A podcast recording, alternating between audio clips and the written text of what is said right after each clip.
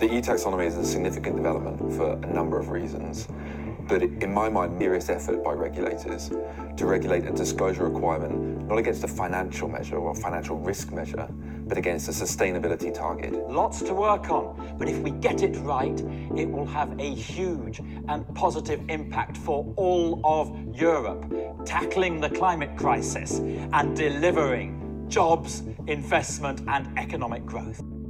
I denne episoden av Bærekraftseventyr Sveinung, så skal vi plukke opp på en lovnad som vi ga i nyttårsepisoden for knappe ti dager siden. Fordi at Da kom vi inn på våre spådommer for 2021. eh, Og En av de spådommene var at EU sin taksonomi for grønne investeringer vil komme til å bli viktig. Og jaggu om ikke vi sitter her i dag og skal snakke om nettopp det. Med Tina Saltvedt, sjefsanalytiker for bærekraft i Nordea. Velkommen skal du være. Tusen takk.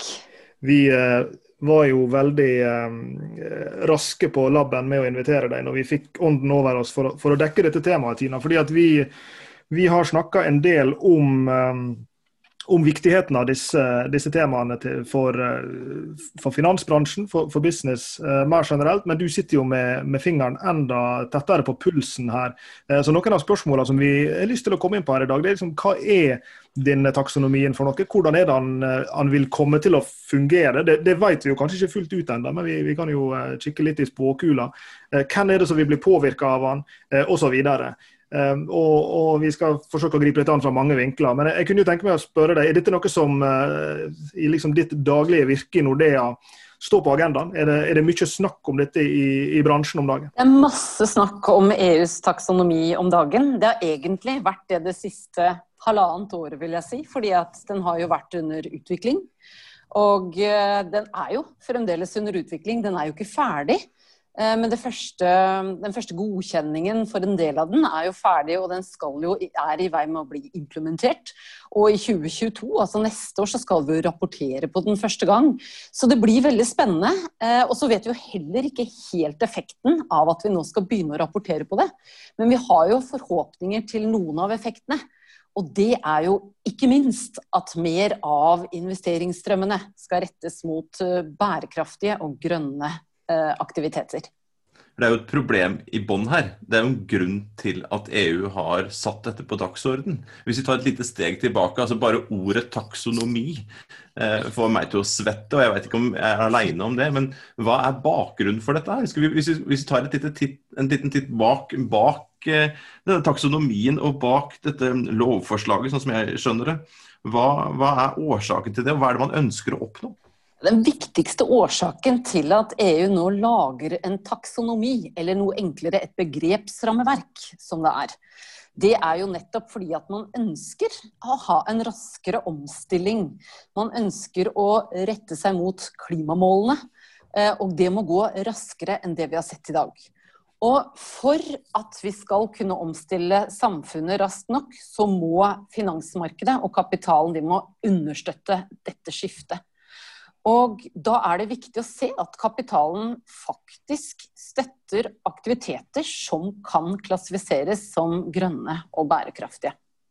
Og da kommer jo selvfølgelig den store utfordringen hva er bærekraftig, og hva er grønt? Og det er jo noe av det som er utfordringen nå. Det er jo nettopp å finne et system, eh, en felles forståelse av hva bærekraft betyr, og hva det er, og hva som kan betegnes som bærekraftig. Og det er jo nettopp det som denne taksonomien skal hjelpe oss på vei med. Den skal prøve å hjelpe oss med hvilke aktiviteter kan beskrives som bærekraftige, og hvilke kan beskrives som grønne, og hvilke kan ikke beskrives som nettopp dette. Og det, Derfor så er dette et viktig redskap, nettopp for da, basert på disse klassifiseringene, å kunne få mer kapital til å strømme i en bærekraftig og grønn retning. Her har vi jo kanskje da, nær sagt investorene og finansmarkedene å takke for at, at, det endelig blir litt sånn no nonsense på et vis. Det er jo Noe av det jeg føler litt disse utviklingstrekkene her forteller oss, det er at her er jo en, liksom, i, i det bærekraftig businessfelt i vi forstand, så er jo en enighet om at jo, vi har noen utfordringer med å definere hvilke bærekraftsindikatorer burde vi bry oss om. Hvordan skal vi skille mellom nær sagt, grader av grønnhet og grader av brunhet. Altså det, Alle er jo enige om at det er et problem. Men, men det er jo akkurat som at når, når eh, investormarkedene kom på banen her og begynte å, å virkelig stille krav til at vi trenger å ha pålitelig informasjon, vi trenger å ha sammenlignbar informasjon. Vi trenger å ha informasjon som vi kan bruke i investeringsøyemed og i, andre sammenhenger. Uh, er du enig i den diagnosen at liksom her kom plutselig en litt sånn unlikely hero? Da? Her kom finansbransjen på banen og, og, på en måte hjalp å dra feltet litt i, og, og gi det momentum i retning av å, å få et sånt klassifiseringssystem og få noen kall det klare svar på noen veldig vanskelige spørsmål? Jeg likte jo særlig godt beskrivelsen din 'unlikely hero'. Eh, som representant for finansbransjen så håper jeg virkelig det er det vi skal fungere som. Nei, Det er helt klart at eh, det vi vil unngå, og det er kanskje noe av det vi i finansbransjen har lært av etter finanskrisen, det er jo at vi nettopp må, må kunne vurdere eh, i bedre stand altså hvilke risikofaktorer vi står overfor. Eh, og ikke minst hvilke muligheter som ligger der. Eh, så vi har jo begynt, og vi har jo fått mye strengere regler for hvordan vi skal gjøre det. Men så ser vi nå behovet pga. de klimaendringene som begynner å få større og større effekt på økonomien vår, på samfunnet rundt oss, at vi trenger kriterier også for det som, kalles, det som kalles for ikke-finansielle aktiviteter. Og det er jo nettopp de som går på klima og bærekraft. Eh, og faren, altså Vi har jo allerede startet i finansmarkedet. Vi har ikke ventet så langt på, på disse EU-taksonomien, for det har tatt tid å utarbeide det. Og som, som, jeg nevnte tidligere også, de er ikke helt ferdig. For noen aktiviteter eh, er det klart, for andre er det ikke det helt ennå. Eh, men det som, det som, er utfordringen som vi har sett, det er jo at hvis vi ikke har et felles rammeverk, hvis vi ikke har en felles forståelse av hva grønt og bærekraftig er, så kan det være noen som prøver å snike seg unna. Og så kan det også være at man ikke tolker det likt, som fører da til eh, nettopp dette grønnvaskingen. Og det er jo noe av det vi i hvert fall vil unngå, som kanskje er den største lærdommen da etter finanskrisen. at Finansmarkedet må være troverdig, det må være lett å forstå. Det må være lett å se hvordan vi forvalter kapitalen, og derfor er det viktig med et sånt rammeverk. Og så setter det også litt krav til oss i finansmarkedet, men også selvfølgelig til de store bedriftene som først og fremst vil bli, eh, bli rammet av dette, eller som, som, dette dekker.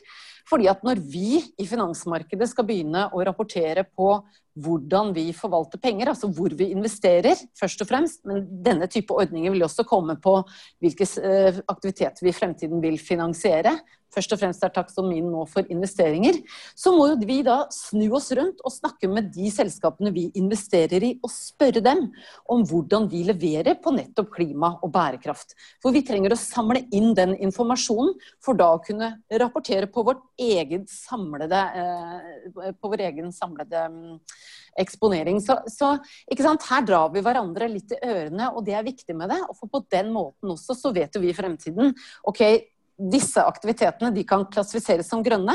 Da er det interessant for de fondene eller eh, de investeringene vi skal gjøre. Og på den måten så vil man sakte, men sikkert snu, forhåpentligvis ikke for sakte, men vil man da snu investeringene, slik at de støtter opp under dette skiftet som er eh, viktig å få fart på. Dere var rørende enige om at det var finansbransjen som var helten her. Men er ikke dette EU som har satt det på dagsordenen, eller er det finansbransjen som har bedt om det? Og var ikke allerede finansbransjen ute med sånne ESG-klassifiseringer og sånne ting? Eh, var det sånn at finansbransjen ikke klarte dette selv, eller ikke bedriftene klarte å rapportere dette på en, på en, riktig måte selv, måtte på en måte EU inn nå og si at agurkene skal ha en så Det skal ikke være bøyd mer enn så og så mye. Vi, altså, det, det, virker jo sånn som det er EU som er helten her. Eh, og Dette er jo en del av en større EU-plan og et, et, et, et, regelverk som er under oppseiling, er det ikke det? Det må bare forklare meg. så jeg, jeg må bare spørre. Jeg kan jo si at uh, Vi har jo holdt på med bærekraftsrapportering på fondssiden i veldig mange år. Langt over ti år og lenge før EUs taksonomi var påtenkt. Uh, men det som har vært utfordringen, det er jo at det finnes veldig mange ulike måter å rapportere på det, klassifisere det på. Og så har det jo ikke vært alle aktiviteter som har vært nødt til å gjøre det. Eh, så langt så har det jo kanskje vært for de mer spesielt interesserte, i hvert fall frem til for et par-tre år siden.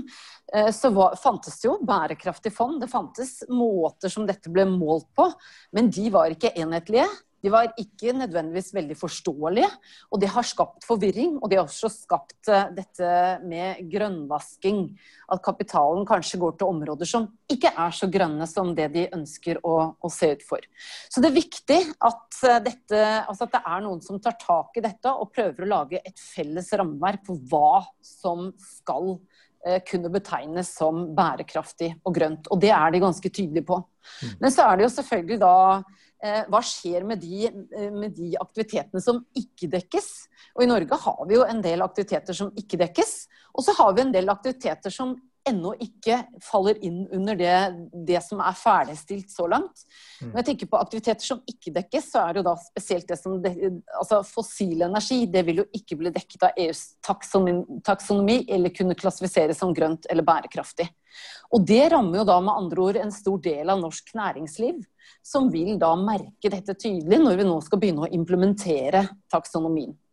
Men så har vi da andre næringer som ikke har blitt vurdert i den grad ennå. Det er jo særlig da innen en del eh, havnæringer, som fiskeri f.eks. Eh, der har man ennå ikke vurdert helt, eller man har ikke blitt ferdig med hvordan man skal da inkludere dette i dette rammeverket. Og Der er det viktig at sant, vi i Norge er på bane. Andre ting som vi fikk en liten sjokkopplevelse før jul, at vår vannkraft, mm. som vi i Norge har, altså, som er veldig grønt for oss, det blir ikke nødvendigvis altså Vannkraft eh, defineres ikke nødvendigvis som grønt eh, av EU. Og det har litt med hvordan man historisk har jobbet med vannkraft og hvilken påvirkning det har på samfunnet og, og, og, omgivelsene der det er. Så denne type problemstillinger det må, til, eh, det må, det må tydeliggjøres, slik at vi er helt sikre på hva som er grønt og bærekraftig fremover. Og disse, disse konsekvensene de skal vi grave oss litt ned i. for Dette er jo veldig spennende og veldig viktig for disse næringene og for oss som, eh, som samfunn. selvfølgelig. Men, men jeg, jeg vil ta et lite skritt tilbake for, for, lyttere som kanskje ikke er kjent med taksonomien. Eh, for den er jo, den er jo ganske ambisiøs, og, og han, eh, han, setter opp et ganske bredt lerret. Og, og, det som han sier er jo at For å kunne anses som bærekraftig, så må en hvilken som helst økonomisk aktivitet bidra til ett eller flere av EU sine miljømål. og de er det seks av. og Jeg skal liste dem kjapt opp. Den første er begrensning av klimaendringer, som du var inne på i stad. Det er klimatilpasning, som jo henger nøye sammen med det første. Så er det bærekraftig bruk og beskyttelse av vann og marine ressurser. Så er det en av våre favoritter, omstilling til en sirkulær økonomi, og derunder også avfallsforebygging og gjenvinning. og Det er jo i seg selv et stort og veldig spennende område som, hvor det skjer mye. Så er det forebygging og kontroll av forurensning. Og så er den siste beskyttelse av sunne økosystem. Og Den er jo litt interessant, for det er der jeg skjønner at vannkraft bl.a. kommer litt i et, uh, i et sånn um, problem fordi at det er noe veldig grønt ved vannkraft på den ene sida, men her er noe med økosystemer i, nær sagt under vann som, som blir utfordra. Og det som taksonomien da stiller krav om, er at du skal bidra til å nå et av disse målene, og så skal du ikke i vesentlig grad skade de andre. Og det er jo ganske stramme altså Da, får du ganske stramme begrensninger rundt deg i, i mange av de bransjene som, som du nevnte. Og, og, da blir jo et spørsmål da for disse næringene, enten det er fiskeri eller det er eh, vannkraft, som vi snakka om, og, og, og, for den del alle andre som, som vil komme i, i trøblete farvann i, i, møte med disse målene her. Hva vil konsekvensen være for dem ved å bli enten utelatt, eh, eller ved å bli utelatt eller ved å bli vurdert som en for brun næring i hensyn til disse målene? Altså, Formålet med dette på sikt er jo, som, som jeg var inne på, det er jo nettopp å flytte kapitalen vekk fra det brune og til de grønne områdene, eller de bærekraftige områdene. Det er jo hensikten med dette, og det er jo også hensikten at det skal gå fortere og være tydeligere. Og også kanskje liksom dra oss litt i ørene på at, at, vi skal være tydeligere på hva vi gjør. Det skal være forståelig.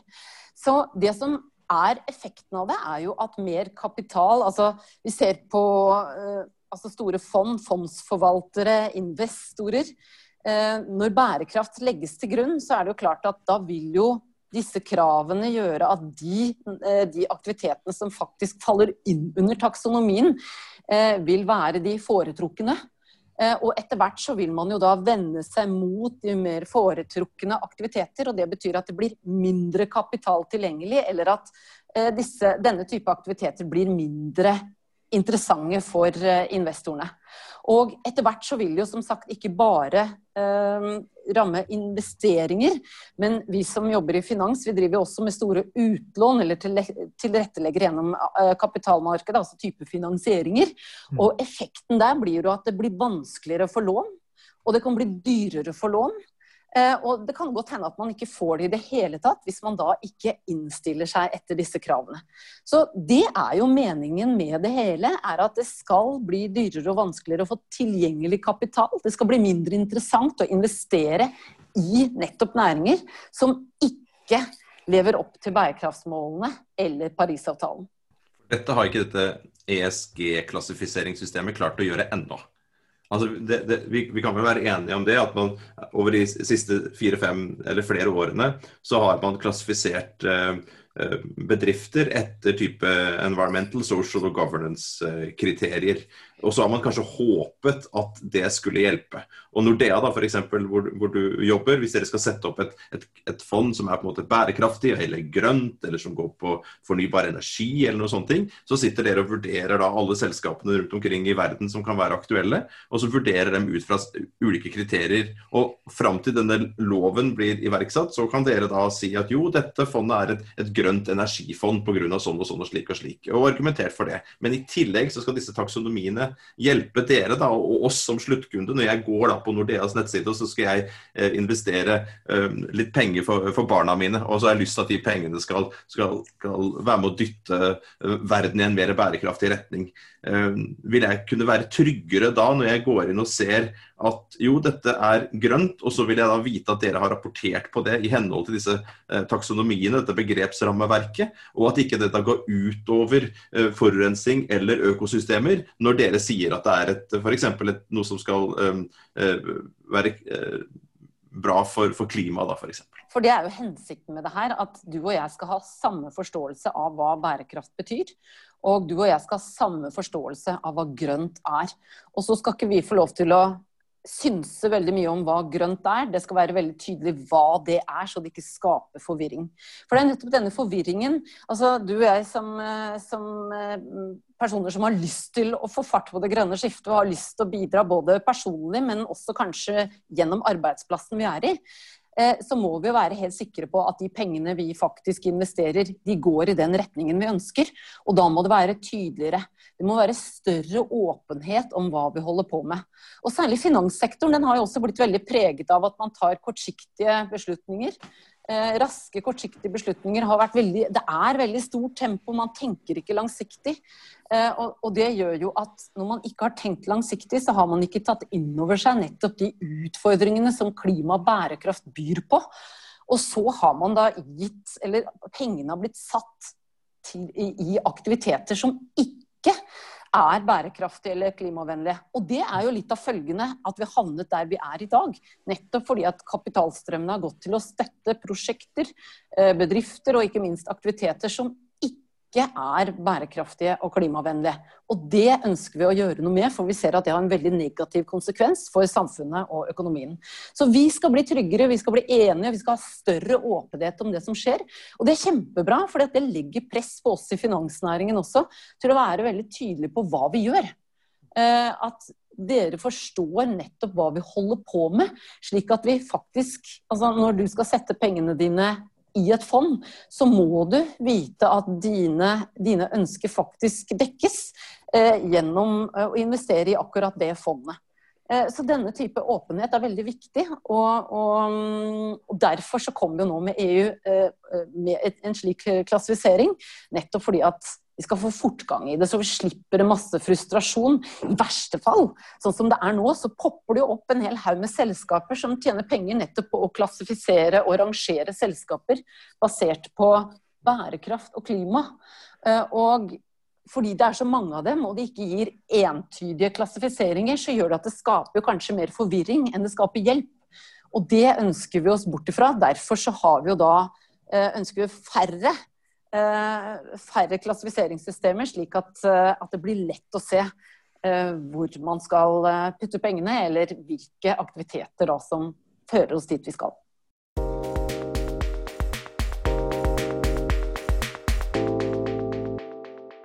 Og så er jo det mange lag i den løken her. da, fordi at Det begynner med Sveinung da, som står på Nordea sammen med dattera og skal hjelpe henne å investere pengene sine. Og så Inne hos Nordea så sitter det finansanalytikere og det sitter folk og foretar investeringer som skal gjøre disse vurderingene i lys av denne taksonomien.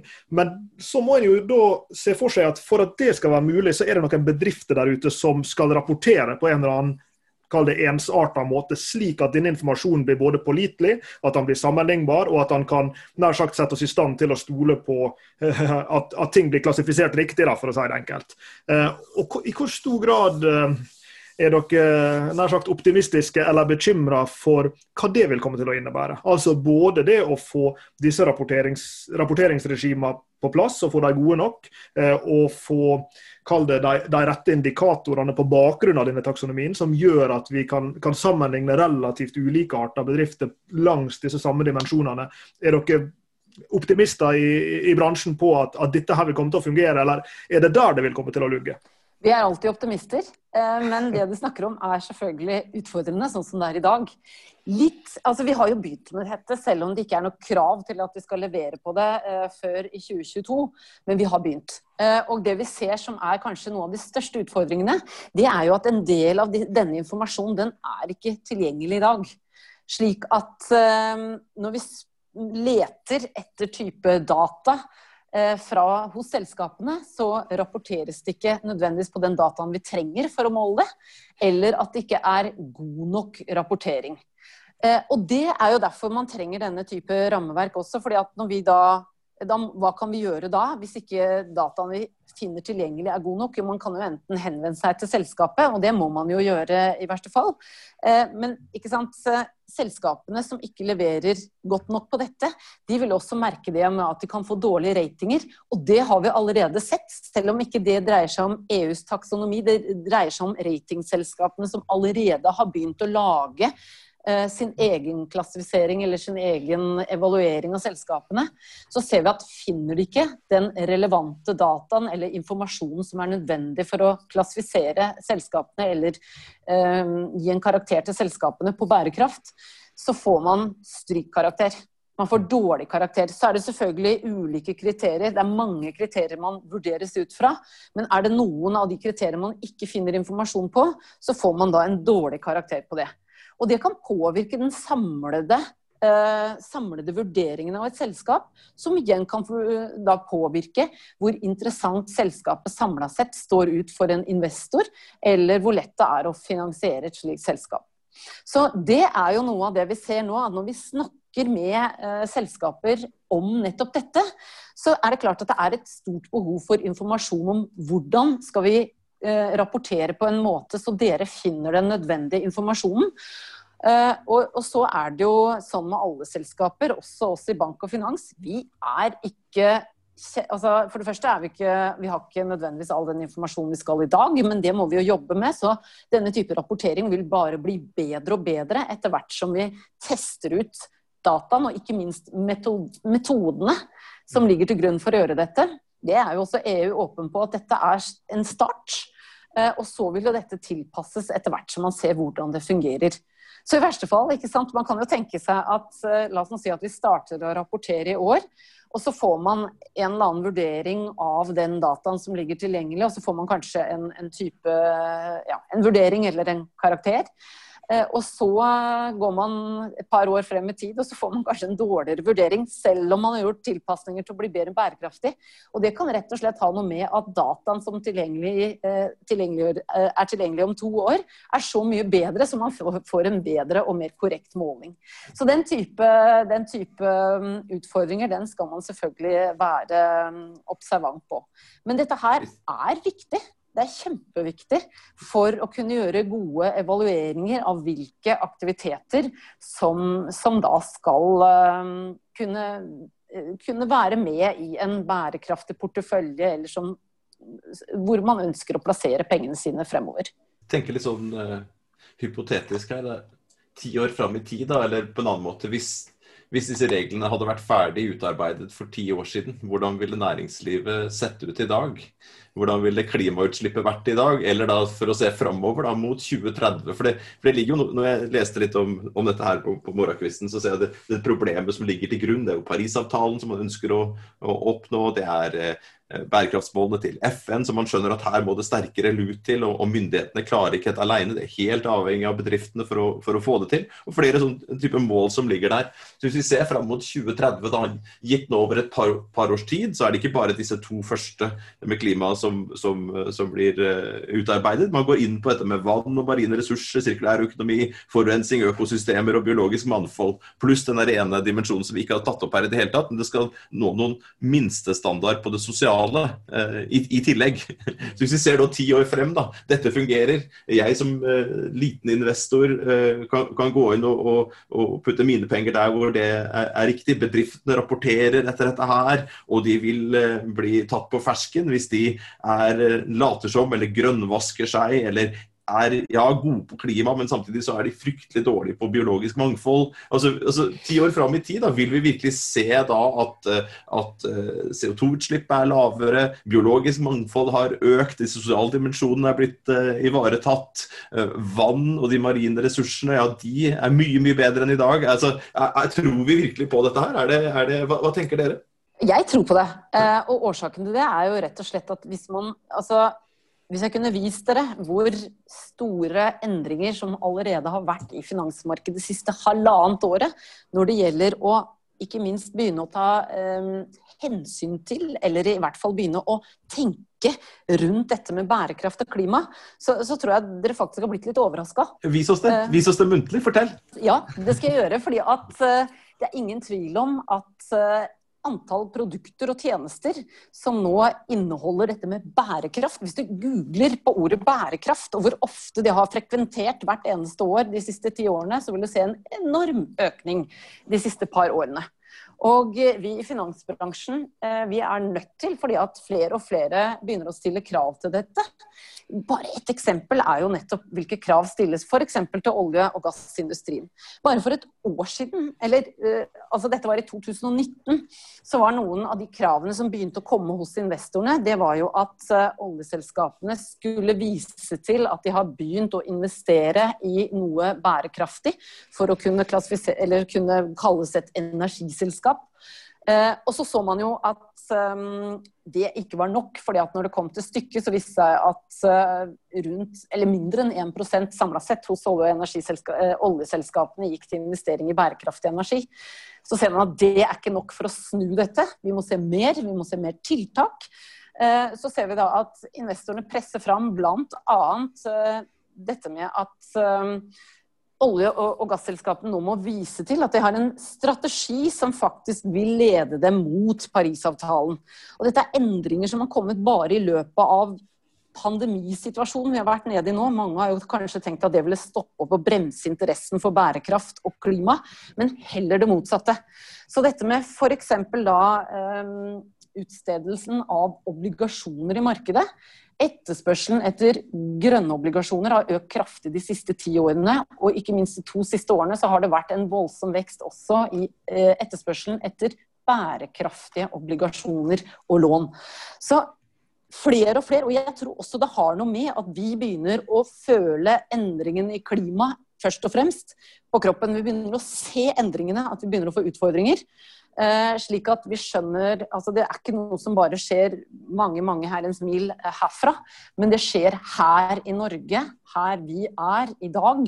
Og det tror jeg gjør noe med oss. Eh, forsikringsselskapene er jo de første i finansbransjen som merker dette, fordi at forsikringsutbetalingene har steget mye de siste ti årene. Eh, relatert til da eh, skader som Eller ting som har oppstått i forbindelse med klimaendringer. Og mer vil bli. Så vi må ta dette inn over oss og posisjonere oss i forhold til det. og derfor så ønsker vi å gjøre noe med det. Så jeg må si, og så ser vi også det at behovet da oppstår for nettopp det å ha en felles måte å kommunisere dette på. Vi vil, altså Veldig viktig for finansmarkedet å ha en troverdighet i det vi gjør. Det har vi lært etter finanskrisen. Og hvordan skaper man troverdighet? Jo, det gjør man med å være mer åpne. Uh, tydelige og ikke minst bli satt krav til. Eh, og det er jo ikke bare investorene, er jo ikke bare på olje- og gasselskapene. De er jo også selvfølgelig veldig på oss i finansbransjen. Vi må levere nå. Vi kan ikke bare snakke, vi må levere. Eh, og derfor så, så, ønsker, så tar jo vi tak i dette nå.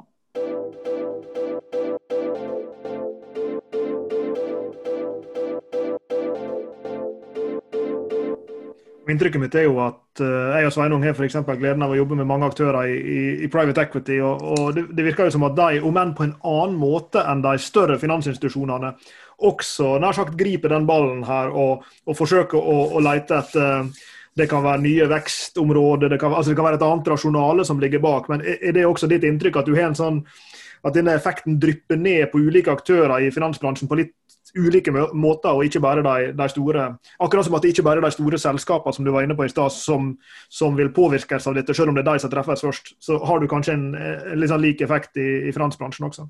Definitivt. Og vi har jo sett at det er jo ikke den store masse i finansbransjen som har vært de som har vært tidligst på med dette med bærekraftige investeringer. Ofte så har det jo vært eh, sånn som du var inne på spesialfond f.eks. For, eksempel, for de mer spesielt interesserte. Og det som er forskjellen, det har vi jo holdt på med i langt over ti år. altså invest, Responsible Investments har jo um, um, Principles for Responsible Investments ble jo signert allerede i 2007. Mm. Uh, ikke sant? Så dette har jo eksistert i mange mange år, men det var mer på sidelinjen. Det som er forskjellen nå, at dette, altså krav til bærekraft og klima, det skal inn i alt vi gjør. Det skal inn i absolutt ikke bare investeringssiden, det skal inn i finansieringssiden. Det skal, altså det, det skal rett og slett ligge til grunn for alle aktiviteter vi gjør. Eh, og det gjør jo at man får jo mye, mye, større effekt av det enn bare å ha noen spesialfond som fokuserer på det. Og så har det jo, det er jo ikke tvil om at det blitt drevet frem av eh, altså enkelte, enkelte, fond eller eh, enkelte investorer. Og det ser vi jo også i dag, som er mer frempå med å pushe under generalforsamlinger og hvordan de skal stemme under generalforsamlinger f.eks. Være tydelig på det. Men nå ser vi jo også at vi er jo også med på dette, at vi har signert eh, en avtale sammen med veldig mange andre store investorer. Vi ser jo dette at samarbeider vi, eh, så, så, vil vi få mye større effekt. Og det man gjør, er jo rett og slett på noe som heter The 100 Plus, hvor, hvor store investorer verden over går sammen og så ser vi på hvilke selskaper er det som står for de høyeste utslippene. Og hvis vi da går sammen om å prøve å påvirke de, både i måten vi investerer på, og også aktivt gjennom å stemme på generalforsamlinger eller å snakke med og stille krav til selskapene, så skjer det mye mer. Så det har blitt mye mer eh, vekt på dette nå, fordi at, eh, altså, og det settes mye større krav til det. Og vi ser også at effekten av å samarbeide gjør at disse endringene kan komme raskere, og det er eh, viktig. Jeg, har lyst til å følge opp med en liten ting, for Sveinung eh, tok det her tiårsperspektivet ti år fram. Og, og, kanskje om ti år, hvis vi hadde satt oss ned Nå har vi snakka om de, de, den grønne delen av det her, og jeg vet ikke i SDG-forstand om, om, de sosiale er røde eller hvilken farge de er. Men, men du, her er jo også initiativ nå i EU eh, parallelt som bl.a. går på sånne ting som eh, mandatory disclosure på, på, menneskerettigheter, altså due diligence knytta til menneskerettigheter. Det er jo lovforslag knytta til det samme i mange ulike land, inkludert Norge. Eh, på, på, det samme. Og, og, du kunne jo utvide dette her til å dreie seg om, eh, om, ulikhet. Det kunne være for den del religionsfrihet, det kunne være korrupsjonsrisiko. Det kunne vært så veldig mange ting som vil falle inn under SDG-ene, da i alle fall, hvis vi tenker på det som et slags rammeverk for, for bærekraft, både sosial, eh, miljømessig og, og økonomisk. Eh, ser du for deg i spåkula at, at, noe tilsvarende vil komme? At dette vil bli utvida også utover det, det grønne i, i, og inn i det samfunnsmessige? Og, og vil, vil, dere nær sagt i så fall i, i, bransjen ønske det i like stor grad vel, velkommen, eller er det et mer krevende område å håndtere, der CO2-utslippene og biodiversiteten er, er kanskje hva vet jeg, Kanskje er han lettere å, måle, kanskje er han lettere å rapportere på, kanskje er han lettere å vurdere effekten på investeringer. Og, og, og kanskje ikke, så derfor spør jeg så åpent. Ja, definitivt. altså Klima er kanskje det man har begynt med, fordi at det er det som har gjort eh, altså som vi har sett de største negative effektene av så langt. Så Derfor har man begynt med det, og det er kanskje lettere også å måle. Det er ikke lett, men det er lettere å måle enn mer en del av de sosiale faktorene som kanskje kan føles en mer, mer subjektive. Så er hvordan klarer man å måle en del av Eh, en del av disse mer sosiale kriteriene. Det er én eh, utfordring. Men vi har allerede begynt å måle f.eks. dette med menneskerettigheter. Altså Innen shipping for eksempel, så har man jo sett på at dette med beaching, altså at man kjører opp store skip f.eks. på strendene i India, så har man da um, en del som arbeider med å ta ned disse skipene. Og her er det snakk om mye kjemikalier, man får dårlig betalt. ikke sant? At industrier går sammen. Her har det finansbransjen som går sammen om å si at vi vil ikke finansiere eller investere i skip som driver med beaching, på, eh, altså i hvert fall på den måten som det gjøres i dag. Eh, og for på den måten å legge press på også andre faktorer enn det rent eh, klimamessige. Så særlig dette med menneskerettigheter er jo noe som kommer veldig tydelig inn. Og vi skal huske på at taksonomien den begynner nå med klima, men den skal jo innarbeide andre bærekraftskrav etter hvert. Litt av årsaken til man også begynner med klima, er at vi vet ikke helt effekten av det. Får man den effekten man ønsker ut fra dette, eller må man justere skruene litt, kravene, metodene etter hvert. Så Derfor så starter man med dette, og så ser man hvordan påvirker, det kapitalmarkedet, og hvordan kan vi få den effekten vi egentlig er ute etter. Og Så vil man da etter hvert som man ser dette, implementerer nå først klima på investeringssiden, så vil man da justere og legge til andre kriterier etter hvert som det går. Og tilbake til dette med ti år egentlig når vi tenker etter, så burde jo ikke være, altså det burde ikke egentlig være nødvendig å stille denne type krav. Det burde jo vært grunnleggende at vi skal ha bærekraft og menneskerettigheter uh, som basis for det vi gjør.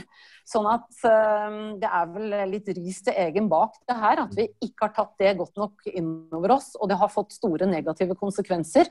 Og nå må vi ordne opp i det fortest mulig. Så forhåpentligvis i fremtiden så skal dette være unødvendig. Det skal være helt naturlig å gjøre.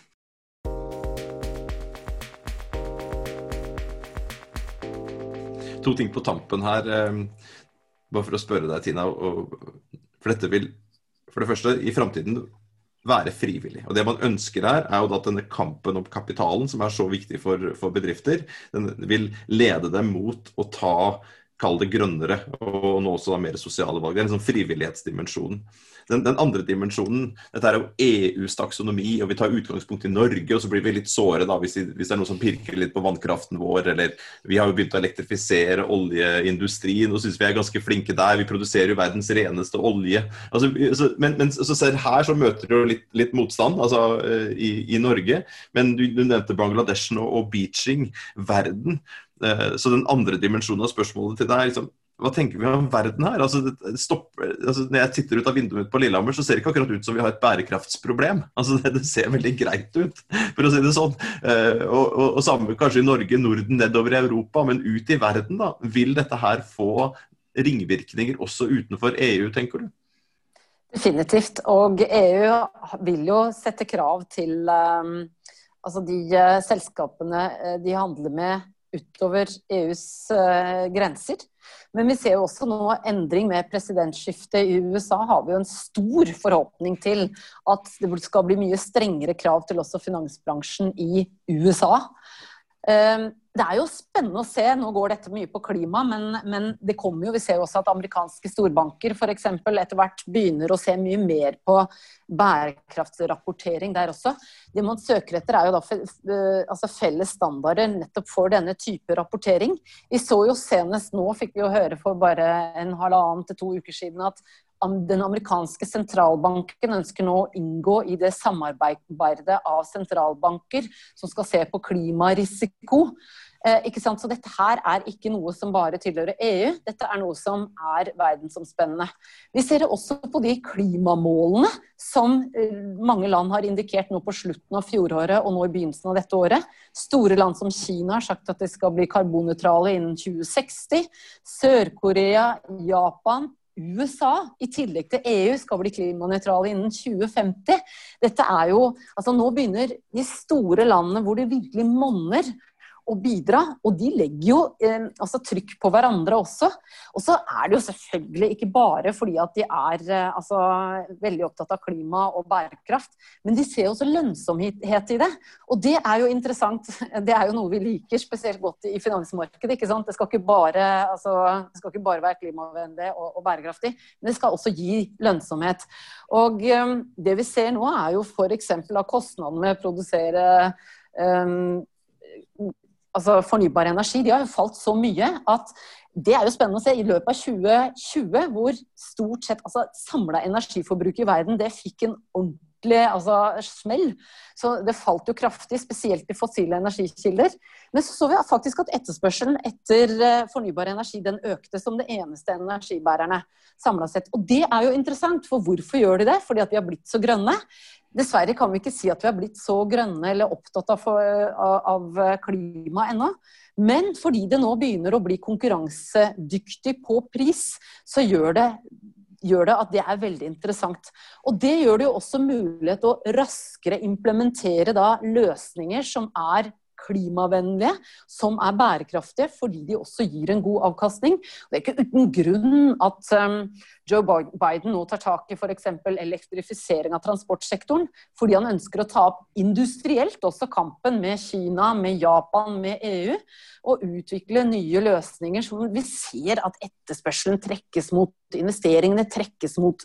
Så verden begynner nå å dra sammen. Industri, kapitalmarkedet, og så må vi ha med politikerne, og de ser ut også å komme nå. Eh, I Norge, spennende med denne eh, klimaplanen som ble lagt ut, ikke sant. Så, så dette her ser mer lovende ut, syns jeg, enn det det gjorde for et år siden. Jeg var egentlig på vei eh, til å gå mot en landing, men kan ikke du ta, ja. ta to ord på, på, klimaplanen, Tina, på, på tampen her? På tampen ja. av tampen. Tampen av tampen? Har jeg et, et jokerspørsmål på tampen av tampen av tampen, men det kommer vi tilbake igjen til. Tina. Ja, for Klimaplanen den var veldig spennende. og Det er ingen tvil om at nå når de har satt opp prisen på nettopp dette med utslipp såpass kraftig som de, som de har skrudd opp til 2000 kroner eh, per tonn utslipp, så er det klart at det vil monne. Eh, for det vil gjøre det vondt for de selskapene som har store utslipp. Det vil bety at de vil få store kostnader knyttet til utslipp. Og det er jo hele effekten, altså hele ønsket med det. Det er jo det vi har ønsket oss lenge. Det skal bli dyrt å slippe ut farlige gasser. Eh, for på den måten så vil jo de selskapene som har store kostnader knyttet til store utslipp, de vil finne nye metoder å gjøre dette på, slik at de blir mer klimavennlige, mer konkurransedyktige. Og En annen ting jeg også likte veldig godt, det var det at de skal komme med et klimabudsjett som vil gjøre det mulig å følge hvordan da de norske myndighetene eh, følger opp om de lovnadene som har kommet, for oss for oss eh, som følger dette fra, fra sidelinjen eh, politisk, og som også er avhengig av hvilke tiltak som kommer. Så med, med, denne type, altså med å skru opp kostnadene på utslipp, så gjør det det tydelig for næringslivet hvor de vil hen. Gjør det mulig og gir dem tid til å tilpasse seg. Eh, nettopp fordi at de da skal få muligheten til å bli konkurransedyktig i en, et lavkarbonsamfunn. Så det var spennende. Jeg vil si det var en, en, en spennende utvikling. Og Det er jo kanskje det underliggende i hele samtalen vår her, at, at nå har vi EUs taksonomi som vi starta med, men så er her også så mange andre, både EU-initiativ og andre internasjonale initiativ. Her er mange ulike nasjonale initiativ, og da på toppen av alt det som, som bedriftene også gjennom bransjeorganisasjoner eller individuelt sjøl Eh, sett i sving, så, så, er det jo et sånn underliggende momentum her nå som, som, kanskje gir grunn nettopp til den typen optimisme du var inne på.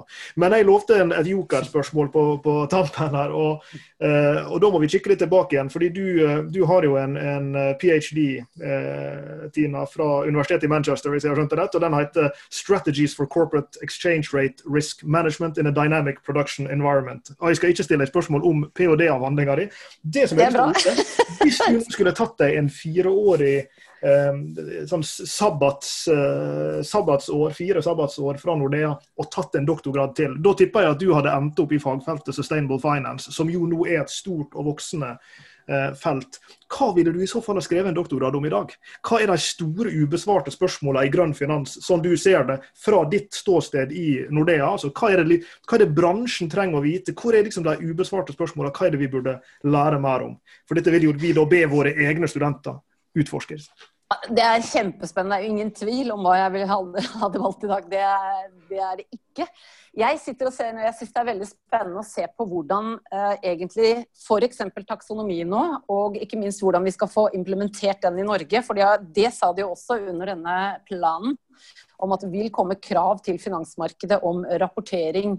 Eh, mye i tråd med, med EUs eh, e taksonomi og da denne task Force, uh, altså CFD-anbefalingen uh, som kommer.